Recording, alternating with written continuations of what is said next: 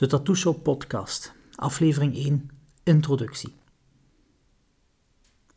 Ja, het zou uh, raar zijn als je de hele tijd iemand hoort praten over wat hij allemaal doet en wat hij meemaakt en, en wat hij zijn visie is over het onderwerp waar die persoon over bezig is, zonder dat jij weet wie er aan het praten is. Ah, wel, ik ben aan het praten. En in deze podcasten van dit kanaal gaat jij voornamelijk ook mij horen. Ik ben Tom. Hallo. Ik ben een tattooartiest en ik woon en ik werk, ja, zeker weten, in het zuiden van Belgisch Limburg. Ik werk in Sint-Truiden. Um, ja, dat is een van de grotere steden daar. Uh, en ik heb daar een tattoo shop. Al tien jaar ben ik daar op mensen aan het tekenen, eigenlijk.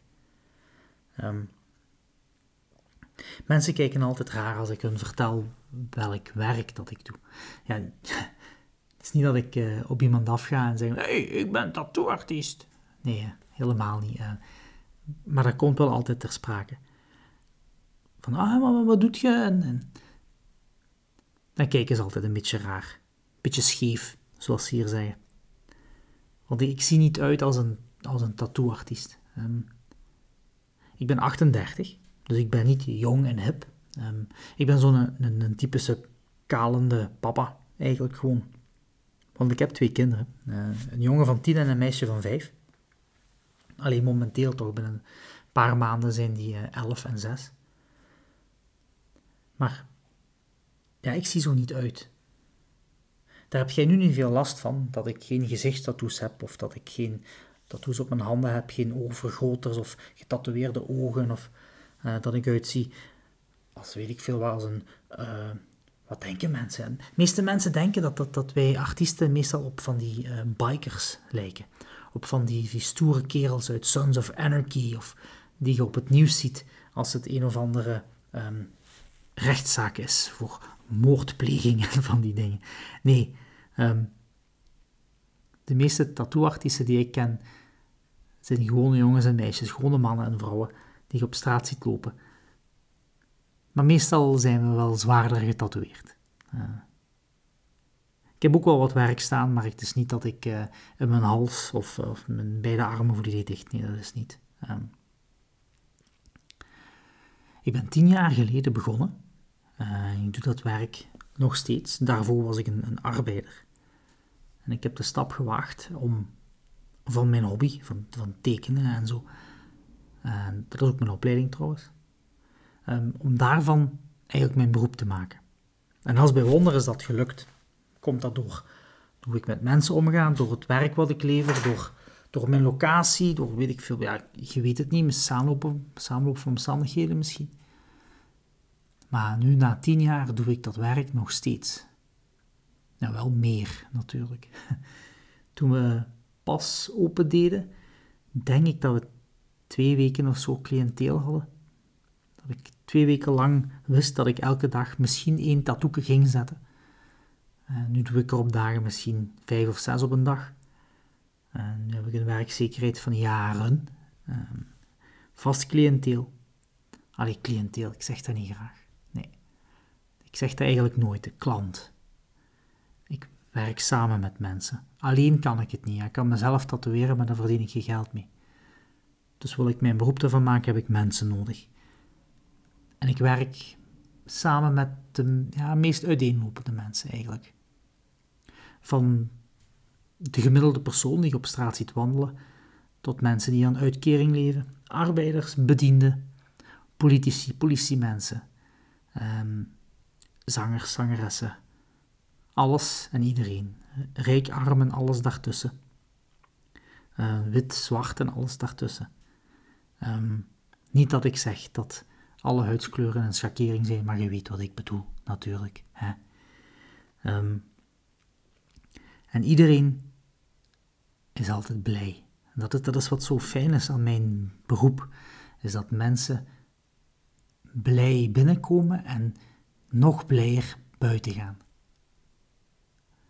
Zeker de eerste keer. De eerste keer is het, is het dat. Mensen komen binnen een beetje anticipatie, een beetje zenuwachtig. En dan, wordt, dan gaan we bekijken wat we doen. Uh, we bespreken dat wat. Er wordt getatoeëerd. En die gaan blij erbuiten. En, en, en dat is de rush van mijn werk. Dat is wat mijn werk zo verslavend maakt. Dat mensen tevreden zijn met iets wat jij gedaan hebt. En die hebben dat voor de rest van hun leven.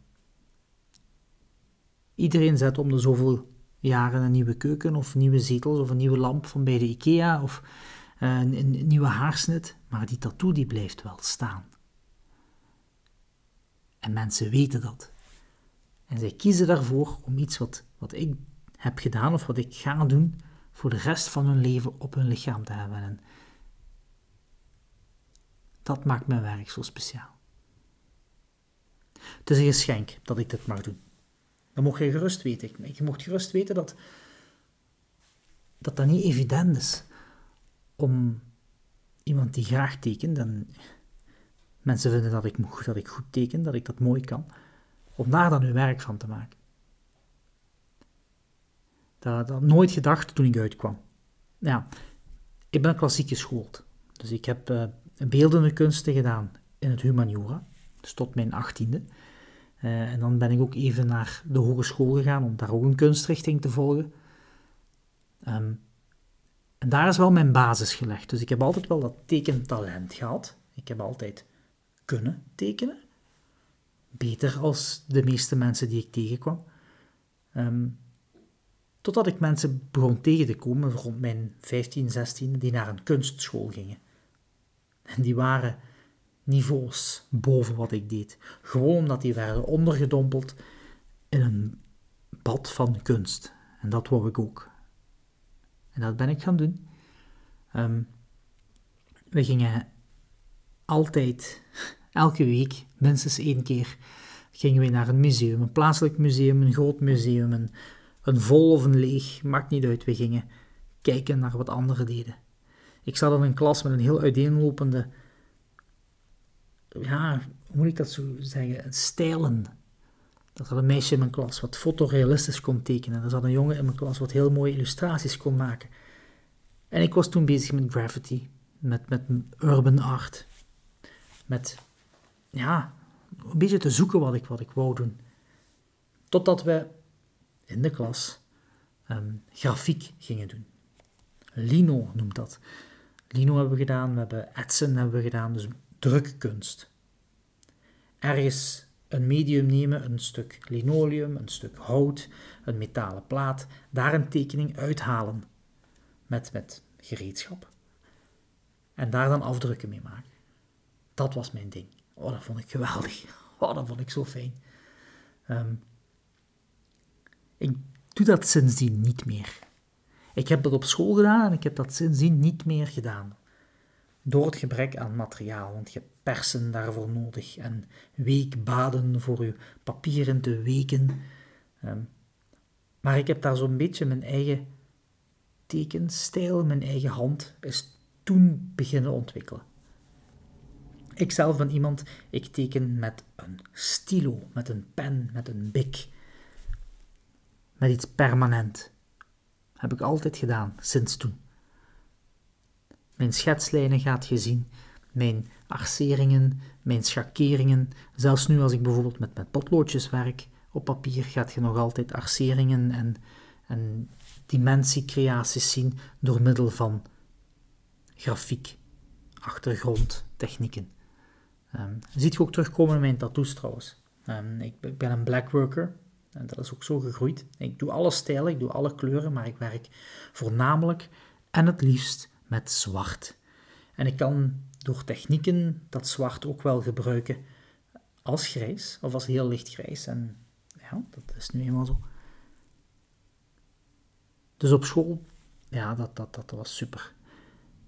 En we doen dat nog steeds. We gaan nog steeds, dat doen we sindsdien, mijn, mijn vrouw gaat mee, die interesseert zich ook voor kunst. Um, gaat mee naar musea, we gaan kijken naar architectuur. Ehm,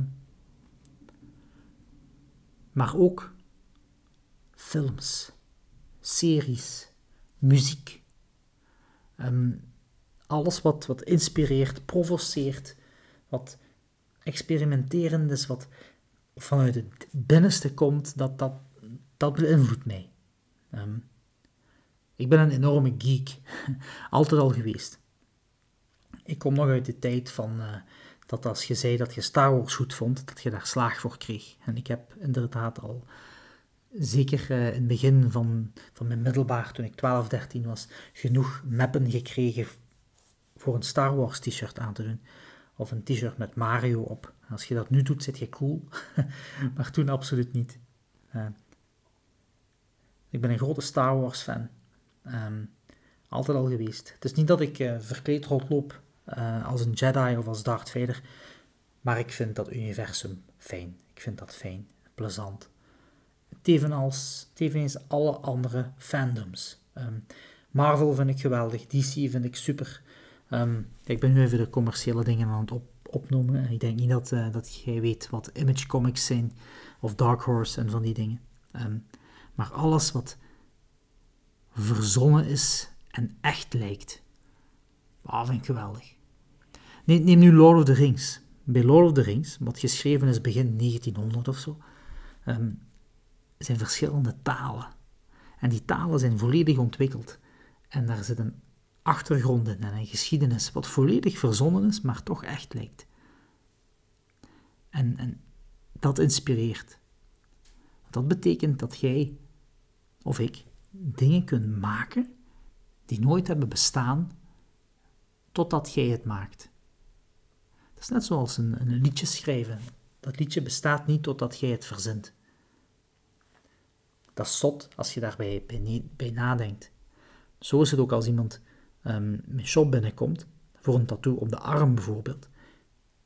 Daar staat niks, totdat hij mijn shop buiten gaat en dan staat er voor altijd iets. Maar dan moet je niet te hard bij nadenken. Als je daar te hard over nadenkt, dan word je paranoia. En gaat je je eigen veel te veel druk opleggen, want dat gaat er niet vanaf. Hè.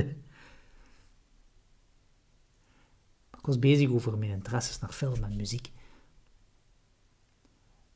Series.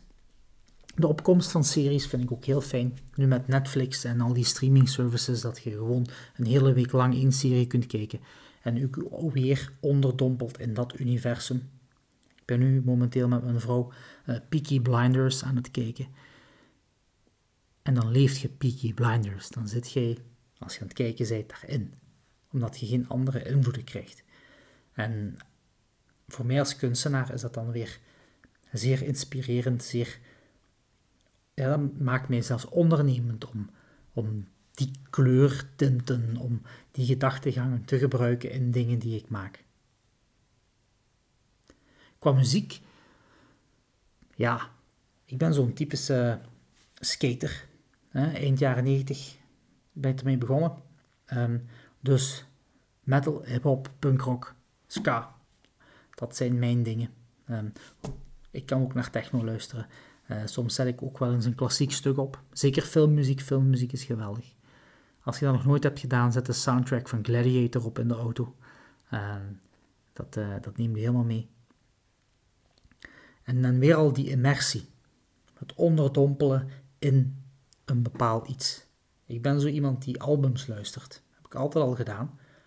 Um, zet Californication van de Red Hot Chili Peppers op. Van begin tot eind. Thuis of in een autorit of als je op vakantie gaat en op het strand ligt. En dat is een reis. Dat is een, ja, dat neemt u mee, dat neemt u in vervoering, want dat heeft een begin, met een eind, net zoals een boek. En dat is een ervaring die alleen jij kunt ervaren, want iedereen ervaart dat anders. En ja, ik lees boeken.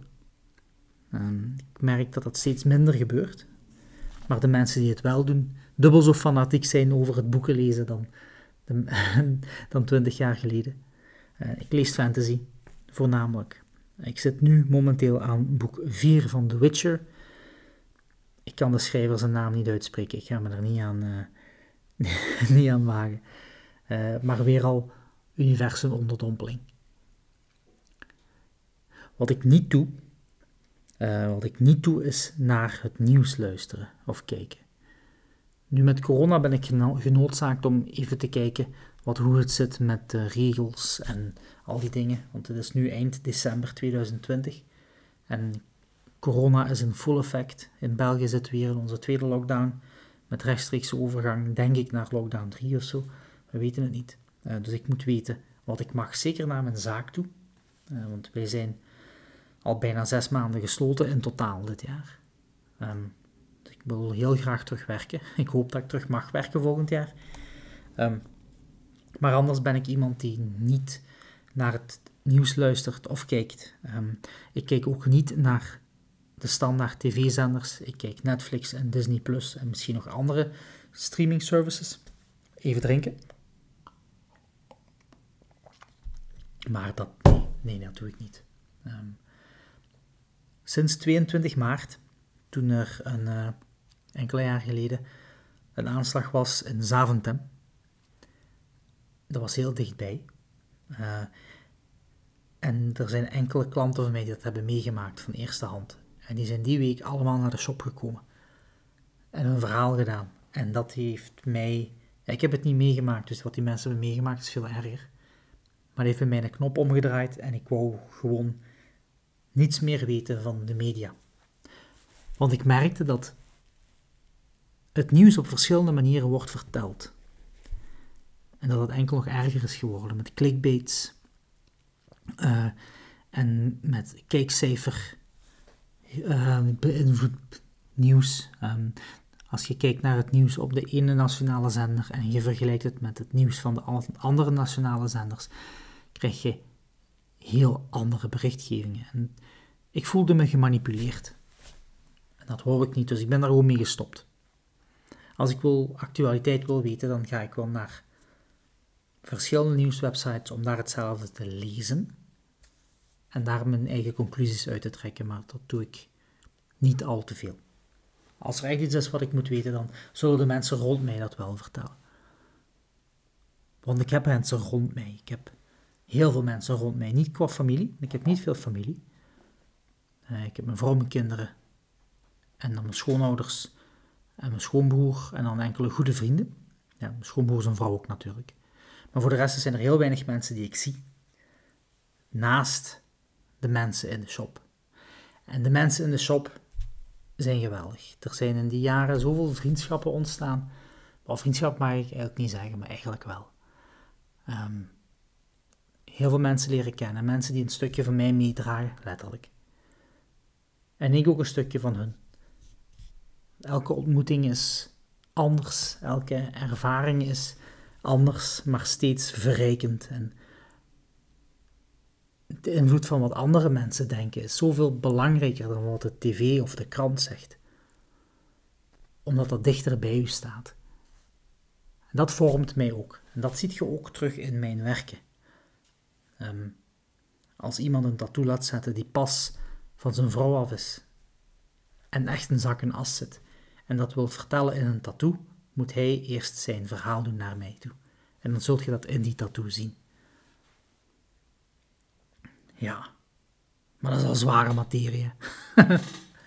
ik wou het eigenlijk wel luchtiger houden. Dus wat weet je van mij? Ja, ik ben een kunstenaar, klassieke school. Ik woon in het zuiden van Belgisch Limburg. Ik heb een vrouw en twee kinderen. Ik had eigenlijk gewoon allemaal zo kunnen opzommen. Dan was het, deze podcast veel korter geweest. Misschien minder van uw tijd gedaan. um, ah, wat je nog niet weet, heb ik dat wel al gezegd. Ik verzamel speelgoed. Ja. Maar daar ga ik niet over uitweiden. Dat is niet zo stoer. Je verwacht stoere dingen van een stoere tatoeëerder. Wat gaat er allemaal komen in de volgende afleveringen? Ik ga u vertellen wat ik meemaak in de shop. Je gaat uw oren niet geloven.